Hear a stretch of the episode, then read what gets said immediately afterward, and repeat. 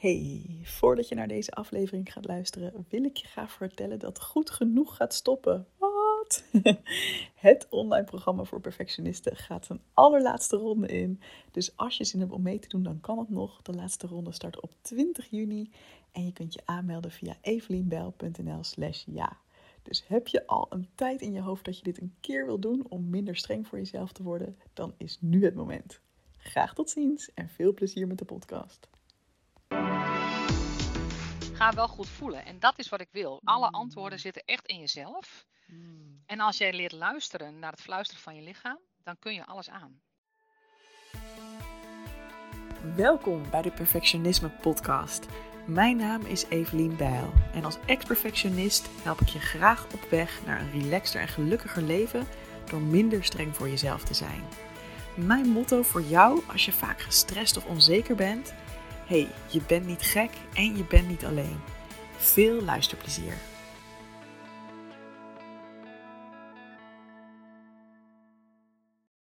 Hey, wat leuk dat je. Oh, we zijn er nog. Dit is hilarisch. Vier. Heerlijk.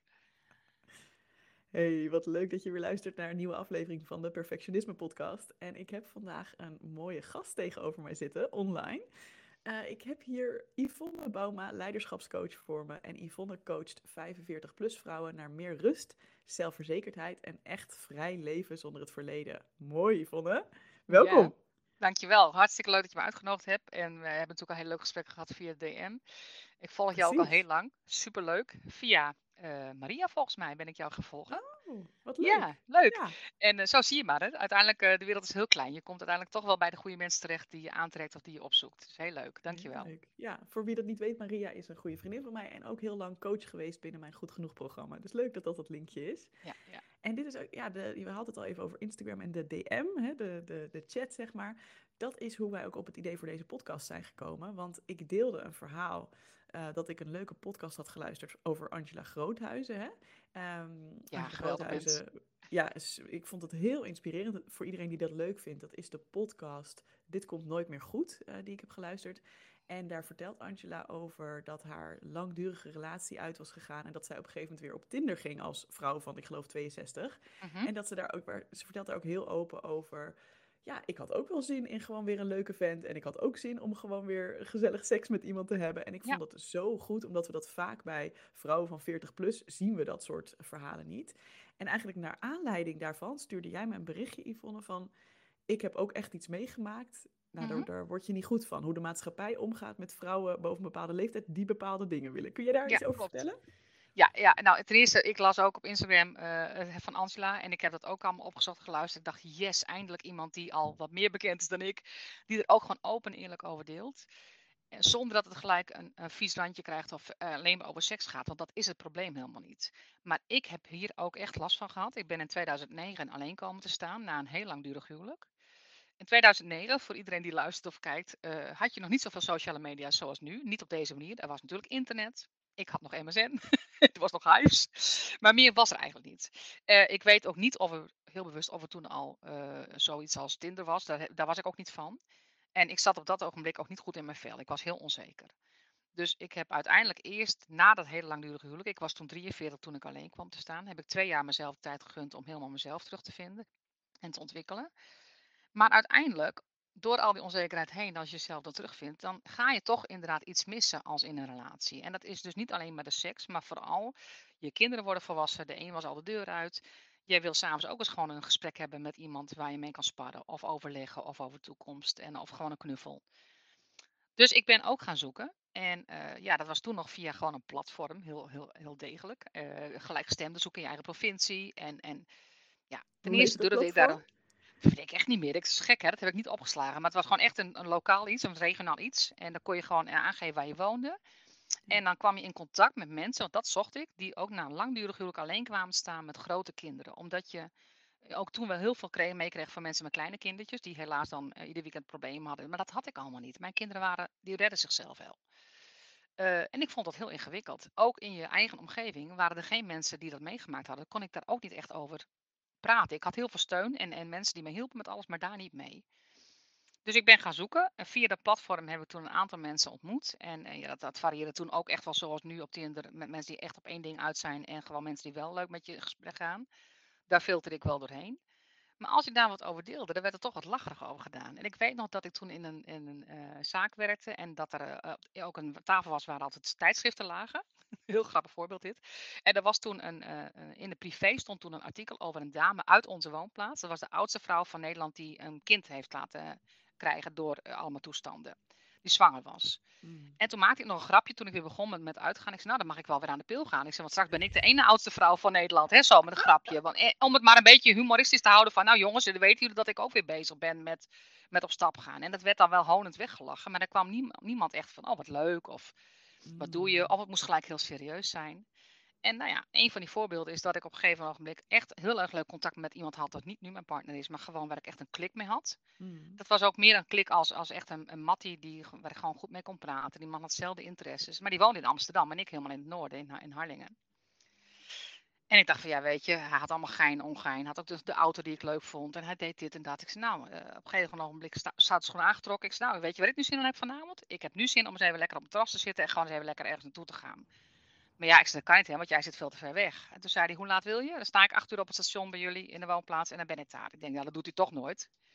Uiteindelijk niks gezegd tegen mensen om me heen, want iedereen zei, je bent gek en je weet niet wat voor idioot er aankomt. En nou, uiteindelijk uh, toch gedaan. Hij stond op het station, ik heb eerst een gefietst natuurlijk. en er stond dat autootje, ik denk, dat moet hem zijn. Een hele mooie Mini Cooper en ik vond dat geweldig. Dus ik ben gewoon met die man ingestapt en we zijn, uh, hij zei, waar wil je naartoe? Ik zei, nou, niet hier in onze woonplaats, want dat is een vrij kleine woonplaats. Dus naar een andere plaats iets, iets verderop. En daar uh, wist ik dat een mooi terras was. En dat geloof je natuurlijk niet, Evelien. We gingen daar zitten. En uh, hele stoere, hij had zelf een schoonmaakbedrijf. We hebben een hele stoere vent. Uh, allemaal tatoeages en echt een hele leuke vent. Mooie kale kop. En, en ja, gewoon echt wel een heel leuk type. En we gingen daar zitten en wat bestelde die? Een muntthee. Nou, echt, ik heb me doodgelachen, want dat verwachtte helemaal niet bij hem. Dus we gingen daar zitten allebei met onze muntthee. En toen werd een koud dekentje over ons heen. En het, het, toeval moet zo zijn, het heeft zo moeten zijn. Er was een bioscoop aan de overkant en er draaide een vrouwenfilm. En wat gebeurt? De hele woonplaats waar ik vandaan kwam, al die vrouwen liepen voorbij. Iedereen ging daar die avond naar de film. Oh. Dus ik zat daar met die man. Al mijn bekenden. En ik, en, ik, en ik, oh, het zweet overal. Want ja, ik was toch nog wel op het randje van die, die ontwikkeling van onzeker. En ik denk, oh, hier wordt over gesproken. En hij zei, wat is het? Ik zei, zo en zo. Dus hij nog dichter tegen me aan en de arm om me heen. En uiteindelijk is het gewoon een hele gezellige avond geweest. We kwamen erachter dat we niet de klik hadden om iets verder te hebben als relatie. Maar dat we gewoon heel leuk met elkaar konden sparren. En dat hij me thuis gebracht heeft, heeft nog bij mij een kopje koffie gedronken en hij is weer naar huis gegaan. Maar de hele straat, toen ik hem uitliet, zag ik al achter een gordijntje vandaan. En toen oh vervolgens met de hond uit. En nou, wat is dit? En had je, ik zei, ja jongens, was hartstikke lekker. Ik zei, was zo leuk, weet je wel zo. Ik ook nog een beetje aandikken.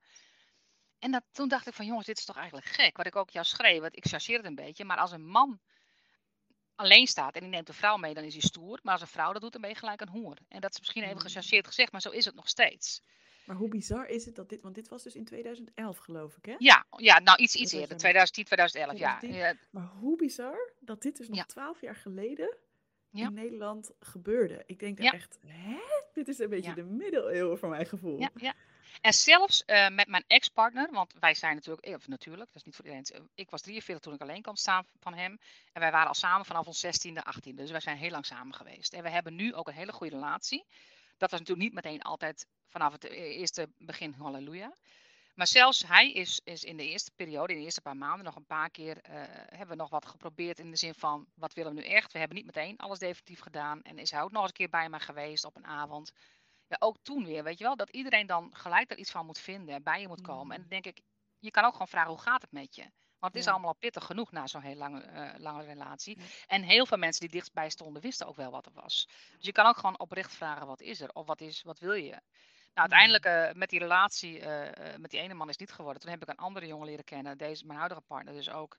En dat kan dus ook. Dat, dat vond ik dat van Ansel ook zo mooi. Je mag ook dingen gaan uitproberen, uitvinden. En al zal je een keer met een man meegaan en wel seks hebben op jouw leeftijd, je doet dat veilig, je bent volwassen, zo uh, so be it. Als jij je eigen kinderen daar niet mee schaadt, hè, want dat vind ik wel belangrijk als je volwassen kinderen hebt. Ja, precies. Dan, dan, dan, dan mag je dat toch doen, vind ik. En dat heb je ook allemaal nodig. Zelfs mijn moeder, die was ook op hoge leeftijd al toen ze alleen kwam staan. En dat ging dan helemaal niet om de seks. Maar ik hoor haar nog zeggen. Uh, ze redde zich heel goed alleen, want mijn, mijn vader was ook niet zo makkelijk. En ze had toch heel veel eigen, een eigen stuk leven. Maar zei, het ergste vind ik als ik s'avonds naar huis rijd. in haar straat woonden allemaal wat oudere mensen. Zij, voor mijn gevoel zit iedereen met z'n tweeën. En ik ben dan weer alleen. En toen dacht ik van ja, dat is dus dat stukje waar je ook als je nog wat jonger bent en Mm. weer hunkeren gaat, waar je tegenaan komt te lopen. Ja. Dus ja, ik, ik snap die hele, eh, dat hele gedoe eromheen niet. En dit is ook mijn hele drive waarom ik eh, over een hele brede linie vind. We roepen allemaal dat we zo tolerant zijn. Maar Ja. Ga in plaats van het roepen, ga het ook gewoon laten zien dat je dat bent. En ga er gewoon naar leven. En ga niet altijd overal een oordeel opleggen. En als je iets niet begrijpt, ga dan met mensen praten. Want hoe leuk is dat om met mensen te kunnen praten? Ik hoef Ja. niet alles goed te vinden wat een ander doet. Maar als ik het vraag en ik krijg een, een, een reactie waarom iemand daarvoor kiest, dan kan ik er misschien wel anders naar gaan kijken. Precies. En laten dat vind ik heel belangrijk. Ja, dat vind ik veel belangrijker. Is dat ook, Yvonne, want volgens mij zei je ook, dit is een van de redenen dat ik ook met mijn eigen bedrijf ben begonnen. En met deze Ja. missie, hè? de missie om eigenlijk de vrouw van 45 plus die, nou, misschien kun je het zelf vertellen. Wat, wat, wat is er gebeurd toen? Toen, nou, ik was al heel lang in mijn hoofd bezig met eh, het ontwikkelen van iets voor mezelf. En wat dat iets moest zijn, wist ik nog niet. Het komt ook vanuit mijn eh, opvoeding. Dat is een heel verhaal, ga ik allemaal niet iedereen lastigvallen. Maar mijn moeder was aan de ene kant heel labiel, maar aan de andere, andere kant ook de eerste feministe van Nederland. Die is na haar vijftigste eh krom van de reuma, is nog een rijbewijs gaan halen, een eigen zaak begonnen. Dus dit, daar heb ik het van. En daar hebben wij het Mm. allemaal van. Mijn vader was ook wel eh, eh, in die zin business-wise een, een self-made man. Die is altijd wel in loondienst geweest, maar wel zich altijd opgewerkt. En, en ook van, van niks is hij gewoon goed geworden. Maar een heel ander karakter. En ik vind gewoon dat wij vrouwen vaak heel veel weggeven en doen en sloven, als het ware, mijn generatie, zonder er iets voor terug te krijgen. En met dat terugkrijgen bedoel ik niet alleen maar geld. Dus ik ben op een punt gekomen in mijn leven waarvan ik ging zoeken, wat ik ook net zei, met onder andere op het gebied van relaties, maar ook op het gebied van andere dingen waar ik tegenaan liep, waar ik in vooruit wilde, van wie kan mij daarbij helpen. En wat ik toen zag is dat er heel veel is voor vrouwen die of al een zaak hebben of die dat willen gaan doen en die ook al heel ver zijn, de high-end, zoals het zo mooi genoemd wordt tegenwoordig. Of voor de vrouw van 45 jaar en ouder met de pittige korte kapsels en de AWB afritsbroek. En daar voelde ik me allebei niet in passen. En niet voor de vrouwen zoals ik, die gewoon nog heel veel te bieden hebben, die heel veel know-how hebben. Wij kunnen zoveel kennis delen. En ik geloof ook echt in het hele arbeidsproces dat als daar meer eh, gekeken wordt naar mensen die iets ouder zijn, die misschien een dagje minder zouden werken, waar ze een jonger iemand erbij laten komen om hè, dat hele gedoe eh, op te lossen en, en kennis te delen, dat er gewoon veel meer eh, bereikt wordt in het leven. Mm. En ook vanuit dat stukje, die hokjesgeest. Ik heb zo'n hekel aan hokjesgeest. Dat heb ik toen gewerkt met die relaties. En dat zie je dus nu ook nog steeds in alles terug. Want waarom moeten we nog steeds zo vechten voor alle genderneutraliteit en alles in deze tijd? Ik denk dan weer die tolerantie, hokjesgeest. Mijn vader was dus echt iemand die zo dacht. Die was echt een, iemand van hokjesgeest. En ik was dan maar zo'n klein humpendumpje als ik iemand mee naar huis nam. Want relaties, daar hebben we het nu over, is natuurlijk niet alleen maar een liefdesrelatie. Je hebt ook relatie met de mensen om je heen, met je familie, met, je, hè, met iedereen. En dat zit, daar zit heel veel communicatie in. En dat is heel belangrijk, die twee. Maar mijn vader was dus een man, als ik iemand mee naar huis nam van school die hij niet kende, of waarvan hij de familie nog niet goed, genoeg kende, dan was het eerste wat hij vroeg. En van wie is dat een? zei hij dan. Van wie is dat er een? En dan, dan, dan keek ik hem aan en dan handen in mijn zij, dan ging ik stampoten, zei ik, van zichzelf, zei ik dan al heel hard, weet je wel. Dat heb ik altijd gehad, want ik vond dat zo'n stom idee, dat ik later dat, dat begreep. Stel nu dat dat kind uit een uh, hele hoge familie kwam, dan mocht het niet, want dan waren ze te hoog gegrepen voor ons. Kwamen ze uit een minder sociaal gezin, mocht het ook niet, want het past niet bij ons. En ik geloofde daar nooit in. Mm. Ik heb altijd gedacht van die persoon past bij mij, daar wil ik mee spelen of mee omgaan of hè, later in je leven. En dan is het goed, dan is het prima. Dat maakt mij niet uit wat hij achter zich heeft. Ja. En dat hele stuk, dat heeft mij gedreven tot het feit dat ik merkte dat vrouwen van mijn leeftijd uh, allemaal die backpack hebben. Kijk, ik kan mijn hele verhaal gaan doen wat er allemaal gebeurd is. Dat kun jij doen. Maar dat is niet zo belangrijk. Het is belangrijker dat je er wat mee doet als je vooruit gaat en niet als je achteruit gaat. En uh, ja, ik hoorde die quote ooit ergens en die heb ik echt uh, in mijn geheugen gegrift. De vooruit is nog altijd groter dan de achteruitkijkspiegel. Die kent iedereen wel, maar zo is het ook echt. Wij zijn heel erg geneigd als vrouwen om te blijven hangen in dat stukje. Uh, of je noemt het perfectionisme, of maar teruggaan naar en wat als en ja maar. En dat hoor ik steeds vaker. Uh, ben je met iemand in gesprek die dan ook nou, al heel lang alleen was en dan weer in een slechte relatie rolde, uh, bijvoorbeeld. Ja, maar ja, weet je, dit of dat, ja maar. En daar is het van, ja maar waarom? Waarom moet je dat doen? Je bent nu toch ook dat op een vind ik punt... heel interessant wat je zegt. Ik vind het heel interessant, want ik herken dit. Ja.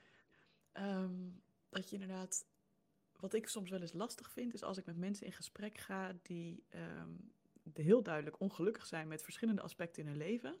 Ja. En dan denk je van, oh, maar dan hebben we het erover. En dan komen er allerlei ja-maars, allerlei redenen waarom er niet iets anders zou kunnen. Hè? Juist. Wat juist. denk jij, Yvonne? Waarom, waarom is dat zo, denk je, bij die Ja, mensen? dat, dat is, dat, ja, maar is gewoon een nee. Dat is gewoon het nee-antwoord. Dus het is nee, ik wil niet naar mezelf luisteren.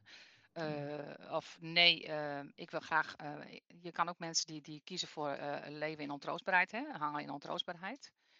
Ehm, hoor ik jou nog? Ik hoor jou even niet meer. Oh nee, ga- oké, dat is goed.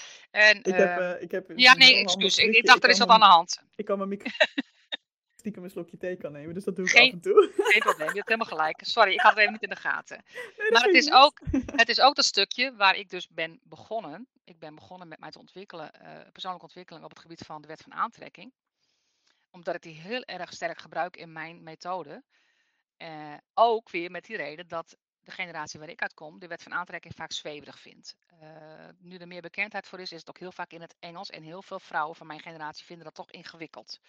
En ik ben meer van de Jip en Janneke taal, van praktische zaken, van benoemen zoals het is. Maar de wet van aantrekking is gewoon een feit, die bestaat. En dat ja maar komt voort uit die onzekerheid en het nee zeggen tegen jezelf, maar is ook natuurlijk je ego. Want wij hebben zoveel belemmerende overtuigingen in ons hoofd meegekregen. Eh, wij zijn ook allemaal zo opgevoed. Tenminste, allemaal, ik chargeer weer, maar heel veel van mijn generatie uit de jaren 60, 70 zijn echt zo opgevoed. Niet zeuren, gewoon doorgaan. Als de dokter zegt, is het goed. Eh, weet je, dat soort dingen. Eh, hard werken, dat is goed, daar ga je niet dood van. Nou, geloof mij, van hard werken op een verkeerde manier kun je echt wel doodgaan. Snap je? Dat, dat zijn allemaal dingen die niet meer van deze tijd zijn. We zijn niet meer in de jaren zeventig.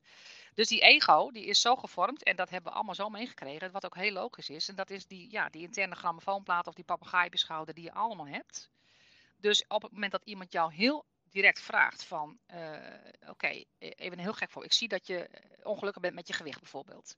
Wat zou je er willen doen? Ja, maar ik hou ook zo van lekker eten en van begonnen zijn en dit en dat. Ja, ik ook. Maar ik wilde wel wat aan doen.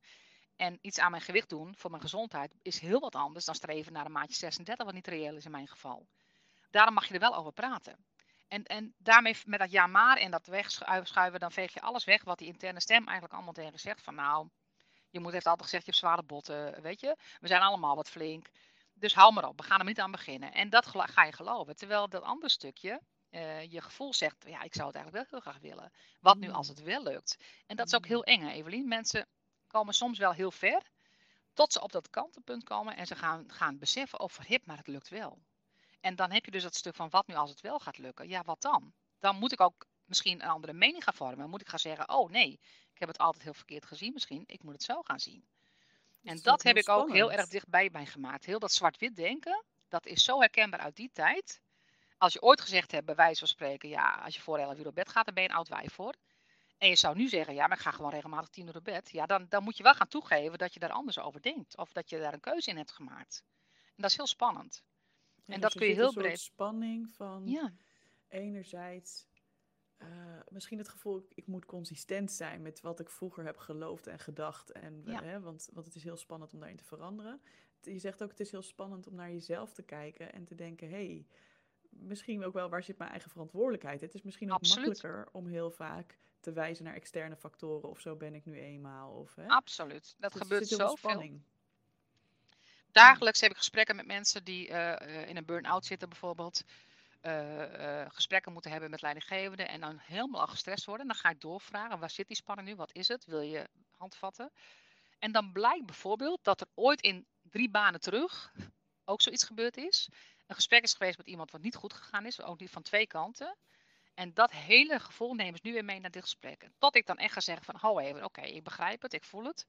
Maar dat was toen. Ja, klopt Mm. dat is, dit is nu een andere leidinggever, toch? Ja. Jij bent nu anders. Ja. Dus dit gaat jou nooit meer gebeuren op die manier. En dan Mm. hoor je ze ook echt soms echt even zuchten van, oh ja, verhip. Nu doe ik even heel eh, eh, simpel, alsof een burn-out, zo bedoel ik dat niet, hè? maar even gewoon een Ja, voorbeeld. dit is een heel mooi voorbeeld, ja. Eh, en, en daar valt en staat alles mee. Ik heb heel veel shit meegemaakt in mijn leven. Daar kan ik een encyclopedie op beschrijven. Ik kan iedereen alles de schuld gaan geven. En dat kan ik blijven doen tot ik 80 ben. Maar word ik daar een leuke mens van? Heb ik het dan leuker? Nee. Ik kan ook nu denken, eh, nou, mooi voorbeeld. Ik riep ook altijd, ja, en ik werd ook niet gesteund. Want bij bepaalde dingen. Tot iemand tegen me zei van, ja, maar wilde je wel gesteund worden? En toen dacht ik, oh ja, dat is een goeie. Mm. Wilde ik wel gesteund worden? Nee, want ik had gewoon de oordoppen in en die oogkleppen op. En uh, ik wilde wel gaan, gaan bewegen, maar als ik ging bewegen, dan zou ik wel vanuit huis moeten gaan lopen en gelijk vijf kilometer hardlopen. Want als ik dat niet kon, was het toch dom en dik en lelijk en dan kon ik het niet. Dat was al mijn overtuiging. Dus iedereen kon tegen me zeggen wat hij wilde. Maar ik werd niet gesteund. Nee, Hmm. ik heb gewoon zelf nooit de verantwoordelijkheid genomen om het te gaan proberen. Hmm. Destijds. En om steun gevraagd misschien ook wel. Precies, precies. En dat. En dat, die, die, die grens is natuurlijk heel dun.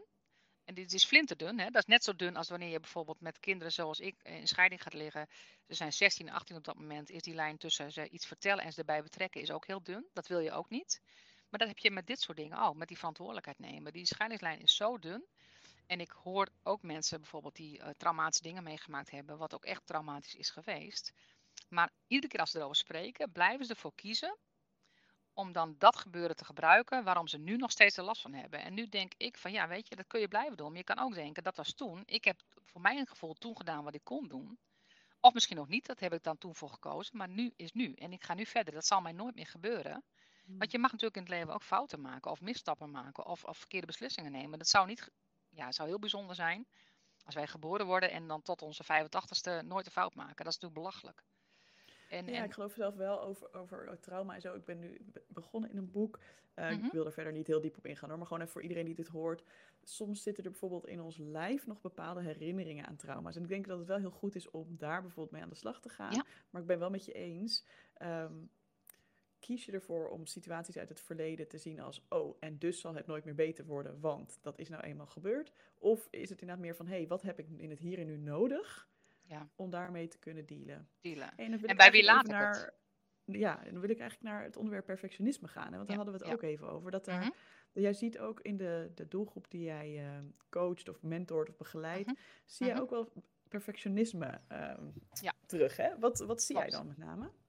Ja, ik zie vooral mensen die eh, ehm, aan de ene kant echt op het punt komen van we zijn bijna bereid om een stap te gaan maken om iets te gaan veranderen in ons leven. En of dat dan op het gebied is van hun werk of gezondheid of eh, eh, mindset, dat maakt niet uit. Maar ze houden zichzelf heel erg tegen door gewoon toch ook weer die ego te laten spreken. En wanneer het dan niet binnen drie weken resultaat levert, ook maar weer te gaan stoppen. Dus dat is ook Hmm. een deel perfectionisme, want we willen zo graag het allerbeste. En ik geloof veel meer in dingen als kleine stapjes nemen en reëel zijn. Als jij, ik noem maar weer even een voorbeeld van mezelf wat ik heb meegemaakt. Ik ben ook ooit 140 kilo geweest. Dus nog veel zwaarder nu. Ik ben nog niet heel licht, maar ik heb ook allemaal dingen waardoor dat langzaam gaat. Maar ik ben wel heel gezond op dit moment in de zin van eh, fysiek, eh, ondanks alles wat ik heb. Eh, maar ik kies ervoor om daar ook gewoon zelf aan te werken.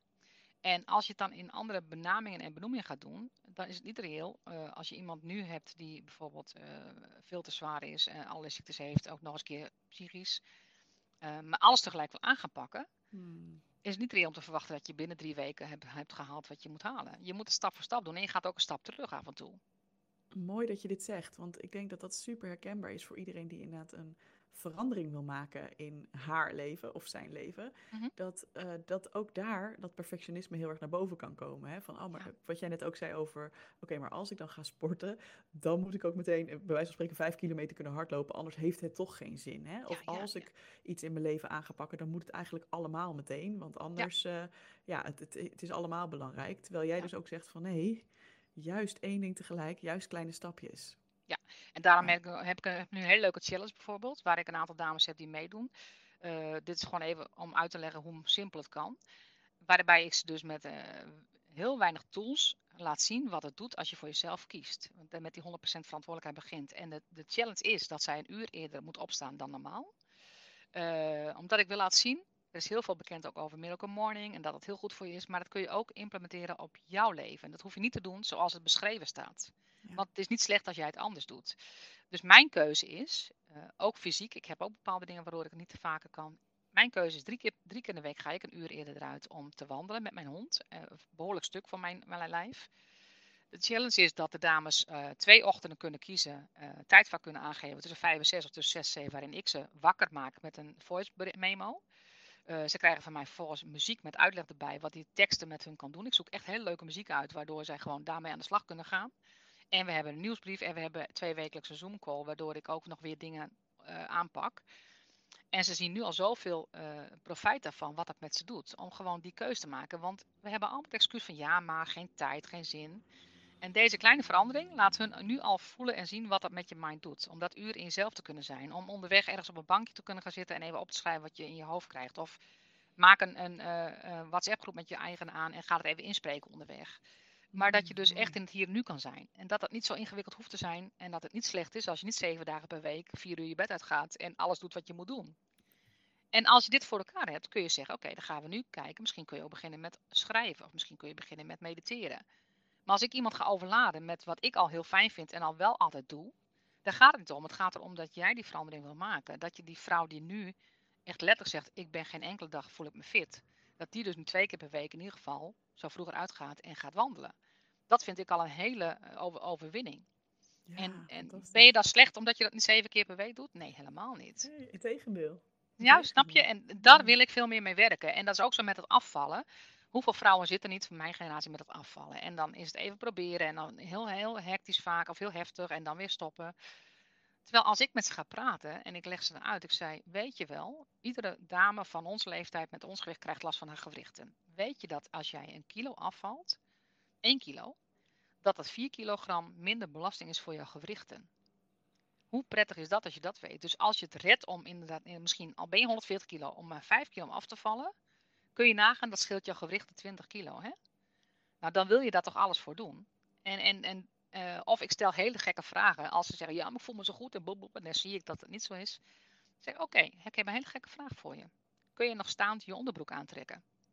En dan liggen ze helemaal in een deuk van, hoezo? Ja, ik zeg, ga maar eens even nadenken. Want als je dus wat zwaarder bent, dat weet ik, dan lukt je dat niet meer. Dan moet je gaan zitten. En dat wil je gewoon nog niet, want daar ben je nog te leuk voor. Je wil nog die leuke relatie. Je wil nog, snap je? Ik wil ook nog gewoon. En ik hoef niet meer dat mensen van een stijger af naar me fluiten. Maar ik wil ook nog wel gewoon gezien worden en leuk vrouw zijn. En dat stukje mag je ook gewoon eh, benoemen in het leven. Dat hoef je niet weg te schuiven als je wat ouder wordt, of als je wat rimpels krijgt, of als je onderkin hebt. Dat mag je gewoon ook leuk vinden als je wat uh, minder perfect bent voor de buitenwereld. Ja, en wat ik wel mooi vind, want ik ben natuurlijk zelf, ik weet niet of je dat weet, maar ik ben heel erg uh, body, met de body positivity bezig mm. geweest. En heel erg met ook het accepteren van al zou er wel een kilo of twintig of meer aan zitten, dan, dan ben je nog steeds een goed mens. Maar ik hoor dat jij dit ook vanuit een ander perspectief deelt. Jij deelt het niet vanuit je bent niet goed genoeg als je wat zwaarder bent. Jij deelt het volgens mij juist vanuit hey, ik zie hier eigenlijk een hele leuke vrouw. en, um, en en vooral de focus ook op gezondheid. Hè, waar, waar, waar, voelt jouw lijf zich lekker bij? En ook waar voel jij jezelf eigenlijk echt lekker bij? Is dat inderdaad hierbij? En, en hè, want ik, ik vind het altijd een, een ingewikkeld vraagstuk. Omdat ik dan denk, oh jee, ik wil niet dat iemand hier naar luistert en denkt... oh ja, wij promoten hier dat je af moet vallen, anders ben je niet leuk. Maar dat, volgens mij is dat precies niet wat jij bedoelt. Hè? Nee, nee, nee. Ik, nee. ik vertel ook aan vooraf altijd waarom ik het doe. Uh, waar ik vandaan kom en wat ik ook uh, daaraan over heb gehouden, ook genetisch bepaald. Ik heb dus wel diabetes. Dat is gewoon vanuit de familie, best op een pittige manier nu. Ik heb heel erg artrose, dat is ook, mijn moeder had heel erg reuma, wat ik al vertelde. Maar ik heb ook door een ongeluk bijvoorbeeld, mijn enkel, uh, normaal kun je je enkel bewegen, die zit bijna helemaal vastgegroeid. Dus ik heb een Donald Duck voet. maar ik sport drie keer per week met een personal trainer. Ik kan 40 kilo in mijn nek kan ik nog squatten, wat eigenlijk volgens de wow. arts niet meer kan. Dat is echt ziek veel. Ik weet ja, dat dat toevallig heel veel is, want ik ja. doe uh, volgens mij uh, 25, 30 of zo. En ja. mijn knieën gaan we vrij snel een beetje moeilijk doen. En ik zeg dus dit niet om, om op te scheppen, maar dit is dus mindset. Hè? Dit is allemaal mindset. Want er is letterlijk tegen mij gezegd door een orthopeed, door iedereen, nou, nee dat kan, je mag niet meer, je mag niet meer wandelen, je mag dit niet meer. En ik doe alles wel, maar wel op mijn gevoel. En daar ga ik aan, want ik geloof dus nooit in wat niet kan. Ik kijk altijd naar wat wel kan. Dus dat betekent ook, even een mooi voorbeeld hoe ik het doe. Uh, ik promoot beweging. Koningsdag was een woensdag. Uh, ging ik ook met de dames wandelen met mijn groepje. Maar toen heb ik er dus heel bewust voor gekozen om mijn rondje korter te maken s ochtends. Omdat ik wist dat ik smiddags ook nog over de vrijmarkt ging met vrienden. En ik weet als ik dat allebei en en doe, dat mijn enkel dat niet trekt. Dat ik s'avonds gewoon zoveel pijn heb dat ik de hele nacht niet slaap. Ben ik dan dus slecht als ik dat korte rondje loop? Nee, want ik ben wel gegaan. Ik vind het ook heel fijn dat je dit zegt, want ik had het daar laatst nog. Ik heb ook een personal trainer. Um, en um, ik heb jarenlang last gehad van mijn knieën, omdat ik dan ik, ik zag mezelf als, ik ben nou eenmaal niet sportief. Hè? Als je het hebt over Mhm, labels die je op mhm, jezelf mhm. plakt en eh, ja, be- beperkende overtuigingen die je zelf wijs kan maken. Ik ben gewoon niet sportief. Klopt. En dat is omdat ik het enerzijds uit mezelf, zal ik niet zo snel bedenken, ik ga even lekker bewegen. Hè? Ik ben meer van, ik hang lekker op de bank. En Ja. anderzijds, als ik het dan ging proberen, precies zoals jij, dan dacht ik ook, ja, dan moet ik nu een hardloop-challenge gaan doen. Of, moet- nou, blijkt dus dat mijn hele lijf daar helemaal niet zo geschikt voor is, omdat ik gewoon ook bepaald, nou, maakt ook helemaal niet uit, maar Nee, ja. dat is niet het ding. En eh, daarom ben ik met een personal trainer gaan werken. Juist, hè, dat klinkt allemaal heel erg van, oh, ja, alsof je dan sporten dus juist eh, heel, heel leuk of belangrijk vindt. Het is natuurlijk best wel een flinke investering. Maar ik dacht, Ja. nee, ik wil inderdaad fit blijven. Ik wil gezond blijven. En ehm, ik weet gewoon, als ik het in mijn eentje doe, ga ik elke keer mijn grenzen over. Omdat ik dan toch denk met zo'n klasje, oh ja, toch wel even meedoen. Of Even laten Hè, zien. zelfs, Ja. zelfs al probeer ik het niet, want ik ben tegenwoordig echt veel minder van, oh, ik moet laten zien inderdaad dat ik Mhm. het goed doe. En, maar het, eigenlijk het belangrijkste is dat ik ooit naar een fysiotherapeut ben gegaan en die heeft gezegd, ehm, met mijn klachten, ga gewoon niet over die pijngrens. En ik, dat was echt een soort van nieuwsflash van, oh, ik mag dus gewoon stoppen als het pijn doet. Want ik dacht Kijk, altijd van, ja, eh, maar als je Doorzetten. beweegt, dan moet je doorzetten. Dan moet je je niet aanstellen, Evelien. Hm. Nu gewoon, ja, no pain, no gain, weet je wel, eh, doorgaan. Maar precies wat jij zegt, daardoor ging ik elke keer over mijn grens in. En dan kon ik weer twee weken amper wandelen, want dat ging helemaal niet. Dus ja, wat, schiet, wat schiet je daarmee wat op? schiet er mee op? Dus- Niets. Want je dus- voelt je steeds weer teleurgesteld. Je wordt steeds weer in die, in die loop Ja. gegooid. Hè?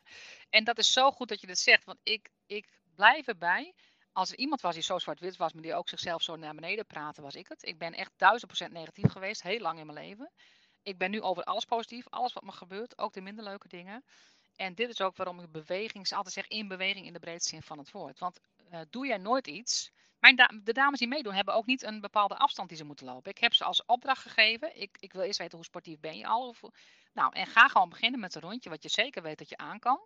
En of dat 10 minuten is of een uur is, maakt mij niet uit. En probeer wel tijdens die challenge voor jezelf dan die uitdaging te zoeken van kan ik misschien een straatje verder. Maar ook op gevoel. Denk je vandaag het lukt niet of heb je echt de hele nacht wakker gelegen en naar het plafond gekeken.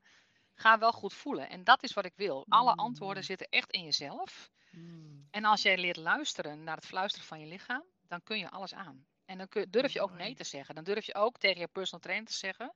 Heb ik ook wel eens gehad van oké, hij houdt alles bij, dat weet jij dan. Eh, vorige keer zijn we daar geëindigd. De volgende keer lukt hij wel weer. En dan ga je de volgende keer weer. En dan denk ik ook wel eens van ja, vandaag zit het er niet in. Ik heb gewoon nog veel meer fysieke klachten. Dan zeg ik, Edwin, het zit er vandaag gewoon niet in. Ik wil even dat je er wat afhaalt. Nou, en dan doen we even een stapje terug. Ja, En voorheen zou ik echt in tranen zijn, bij wijze van spreken, thuis. Of mezelf helemaal, eh, zie je wel, ben ik weer die vieze vetzak en dan kan ik dat helemaal niet en bla bla bla. En nu denk Dit ik van, nou, Zo herkenbaar. Dit is zo herkenbaar. Dit gaat bij mij ook elke keer zo. Ik heb bijvoorbeeld soms een paar weken niet kunnen trainen. Nou, dan weet ik al, nou, dan gaan we gewoon eh, even weer een beetje op nul beginnen. Want het is gewoon weer even nodig. En het- ik vind het zo mooi dat je dit zegt, want ik besef nu pas dat ik me daar echt 0,0 schuldig over voel, slecht over voel, eh, eh, een zwakkeling over voel. Maar dat is echt anders dan vroeger. Dus iedereen die nu luistert, het je kan. mag jezelf toestemming geven. Hè? ja, je mag ja, ja, toestemming geven om te dat. luisteren naar je lijf. En gewoon te zeggen, oh, nou, nu even wel, nu even niet. En Ehm, dat mag in alles, hè, Evelien. Dat mag ook, Ja. eh, want dan zitten we met die perf- perfectionisme en dat, het sociaal geaccepteerde ook. Eh, even een heel mooi voorbeeld waar het vaak fout gaat. Is als jij mensen tegenkomt en je bent dus in, die hele, in dat hele proces van je wil van het perfectionisme af, je wil aan jezelf werken. Je komt iemand tegen die wil alles van je weten. Hoe gaat het? We zeggen allemaal maar het gaat goed. Nou, in het Engels is het zo mooi fine. En dan zeggen ze stop met saying you're fine, want het, het gaat helemaal niet goed met je. Eh, ik heb dat echt meegemaakt met mijn moeder, heel kort nog. Die was toen een tijd heel ziek geweest. Die was echt van de dood afgehaald. We dachten niet dat ze zou overleven. Dus ernstig, allemaal heel, heel ingewikkeld. Eindelijk thuis, na wel twee jaar ergens anders. En dan ging ik met dat mensje even naar de bloemenzaak, bijvoorbeeld vlakbij haar. Dat vond ze leuk, naar de specialist. En dan eh, liep je daar en dan kwamen er allemaal mensen op haar af. Oh joh, hoe is het nou? En bla bla bla. En dan ging ze het hele verhaal doen, wat ze allemaal meegemaakt had. Met als gevolg thuis waren, ik 9 van 10 keer, of mijn zus, wie er met haar was, de ambulance kon bellen, want dan had ze weer helemaal last van haar hart, omdat ze zich er helemaal druk over maakte. En dus heb ik ook met haar afgesproken, ik lieve mam, ik zei, ik snap het. Ik zei, maar dit zijn allemaal mensen die in het hele proces nooit bij jou geweest zijn fysiek, die nooit bij ons geweest zijn, die allemaal nieuwsgierig zijn. De volgende keer als wij weer weggaan en je komt iemand tegen, dan zeggen we bijvoorbeeld, nou, naar omstandigheden goed. Wil je een keer meer weten? Kom eens even langs een kopje koffie. Ik zei, dan zorg ik dat ik er ben of iemand anders die erbij kan zijn en dan zien we wel en dan kunnen we dan er misschien wel over praten. Ik zeg, maar dit doen wij niet meer. En dat is ook zoiets, hè? Eh, we gaan ons allemaal uitleggen, verklaren, verantwoorden. Eh, ja, je zou toch drie keer per week gaan lopen? Waarom ben je dan maar twee keer per week, week gegaan? Dat hoef je niet uit te leggen. Het, het is zoals het is, punt. En we zijn allemaal geneigd, dat is ook dat stukje verantwoordelijkheid nemen, om daar een heel verhaal omheen te maken. Maar nee is ook een antwoord. Als, als ik vroeger gevraagd werd en ik had geen zin, dan ging ik het ook doen. Ging ik ook allemaal dingen bedenken. Waarom kan ik dat niet? Of nu zeg ik gewoon nee, het lukt me niet. Klaar, ik hoef niet uit te leggen waarom niet. Ja, ja. Zelfs al staat er in je agenda helemaal niks, omdat je gewoon Nee. denkt, ja, ik heb tijd afspraak met jezelf hebt. Ja, was staat wel, je hebt je afspraak met jezelf bijvoorbeeld. Ja. En dat is echt iets waarvan ik echt ook wil, wil dat, is, dat is ook een dingetje van, van leeftijd denk ik, nog meer dan, dan bij de jongeren. Maar die neiging hebben zoveel vrouwen om er van alles omheen te bedenken. En dan denken, nee, je hoeft dat niet uit te leggen. Alweer de hele middag Netflix gaan kijken, dan ga je gang. Dat mag. Mooi. Zolang je eh, daar ook vind niet weer in een- doordraait. Ik vind het een mooie, een mooie afsluiter voor deze waardevolle podcastaflevering. Super. Eh, geweldig eh, dat je hier was, Yvonne. Stel nou dat er iemand luistert die denkt... hey, ik wil wel wat meer van Yvonne weten. Waar kunnen Ja. ze dan jou vinden en jouw werk vinden? Nou, vooral op Instagram, daar ben ik heel actief. Eh, dus ze mogen mij altijd even een berichtje sturen, is het meest laagdrempelige. Mijn nummer staat ook wel overal natuurlijk. Ze mogen ook een appje sturen Hoe als het Instagram? is. Yvonne Bouwman, leiderschapscoach, wat jij net ook zo mooi benoemde. Ja. En eh, ja, daar sta ik eh, eronder en ik ben heel zichtbaar. Eh, ik, ik gebruik nooit filters bijvoorbeeld. Ze zien alles wat ze zien van mij is echt. Zoals ik nu ben, zo ben ik ook met mijn klanten. En eh, ik heb ook echt altijd alles op maat. Want ik heb zoveel diverse klanten al mogen begeleiden met heel veel verschillende achtergronden. Het grappige, allergrappigste is nog, ik, ik eh, wil die leeftijd nog even verklaren. Dat is ontstaan tijdens het proces wat ik met Merle heb gedaan. Merle, Merle Mudde was mijn businesscoach, fantastische vrouw. En we moesten, of we moesten, je moet toch een bepaalde doelgroep kiezen. En daar kwamen we hierop omdat deze doelgroep, eh, deze generatie wordt in de publiciteit de generatie niks genoemd. Echt NIX. Of de verloren generatie. En toen zei ik, ja, maar nu vallen alle kwartjes op zijn plek. Want zo heb ik mij zo vaak gevoeld. Ik heb dus wel in kamers gezeten met twintig man visite waar ik gewoon heel alleen was. En dat, dat is een beetje onze idee geweest. Maar mijn allereerste klant was een dame van net over de 30. Dus en die heeft me opgezocht en die had zoveel met mij. Waarvan zei, ja, die wilde heel graag instappen, maar ik ben nog niet 45. Ze maar dat geeft helemaal niks, lieve meid. Ik, Ja. maar je mag gewoon. Snap je? Dus dat wil ik even nog toevoegen. Leuk, Dat is ja. meer om aan te geven waar ik vandaan kom. En dat ik gewoon zoveel herken. eh, en, en ook weet hoe wij eh, over het algemeen hier, hoe het allemaal werkt. Dus dat. Nee, super bedankt. En eh, ja, misschien ben ik te druk of te enthousiast, maar dat is zo ben ik. Nee, en, ik kan ook heel goed luisteren. Ik vond het heel fijn dat je er was en je hebt heel veel mooie voorbeelden gedeeld. Je bent heel open geweest ook over je eigen leven en verleden. Dus, ja, Ik heb trouwens nu een hele leuke man, hè? Al heel lang. Oh, dat is wel een goeie. Dat hebben we eigenlijk nog helemaal niet verteld. Kun je dat in één minuut, hoe, hoe dat is gegaan? Dat is eigenlijk nog wel een hele leuke. Ook ja. via datzelfde platform. Eh, eh, de klik is bij ons ontstaan. Ik zag, ik zag eh, zijn profielfotootje. En dat was ergens afgeknipt. Dat zag ik wel. Er was iemand die hem zo vasthield. Ik denk dat het vast een kind van hem was zo. En hele mooie bruine ogen. Kale kop. een beetje donker getint. Het is gewoon een Nederlandse man. Om mij zo, zo bruin als wat. En zijn profielnaam was Oliebol. Ik denk, dat staat mij aan. Want ik was gewoon nog veel zwaarder dan nu. en het eerste contact dat we hadden. Ik begon heel voorzichtig. Ik zei, ik weet wat je zoekt. Ik zei, maar ik ben niet een vrouw met maatje 36. Zei ik gelijk. Want ik was dus toen nog heel onzeker. En zijn reactie was goud. Ach, hij zei, als ik een kookboek opensla, dan groei ik al, zei hij. en, dus maak je daar maar niet druk over. En dat was onze connectie. En Johan is echt mijn allergrootste goeroe ever. Die heeft mij zo anders laten denken. Ik was echt zo'n negatief persoon die duizend scenario's had al in haar hoofd van wat, wat als. Hè? Ja maar, wat als. En hij pakte me steeds weer bij mijn nekvel. Bouma, kom even hier. Hij zei, je kan duizend scenario's bedenken, maar het wordt scenario duizend en één. Ga daar nou maar vanuit, dus laat het los. Mm, En dat is zo krachtig geweest. En daardoor ben ik nog verder gaan leren en ontwikkelen en ben ik dit gaan doen. Dus dankzij zijn steun kan ik dat ook allemaal doen. En eh, ja, dat doen we bij elkaar. Hij is ook eh, na 25 jaar loondienst eh, plotseling ontslagen en een eigen bedrijf begonnen met mijn steun. Dus weet je, dat, dat is ook een heel bloeiend bedrijf. Dus het kan allemaal echt, ook als je wat ouder bent. Wat cool. Nou, Ja, ik ben echt heel heel blij leuk. dat we dit nog even hebben Ja, meegekregen. eh, ik, dat gun ik hem ook van harte. Dat, dat verdient hij. Dankjewel, Yvonne. Jij ook bedankt. Hartstikke bedankt. Tot ziens. Hey, ik hoop dat je hebt genoten van deze aflevering. En nog even een reminder dat Goed Genoeg dus binnenkort voor de allerlaatste keer van start gaat. En ik heb er heel veel zin in om er een te gekke laatste ronde van te gaan maken. Dus als je zin hebt, meld je dan even aan via evelienbel.nl slash ja. Fijne dag verder!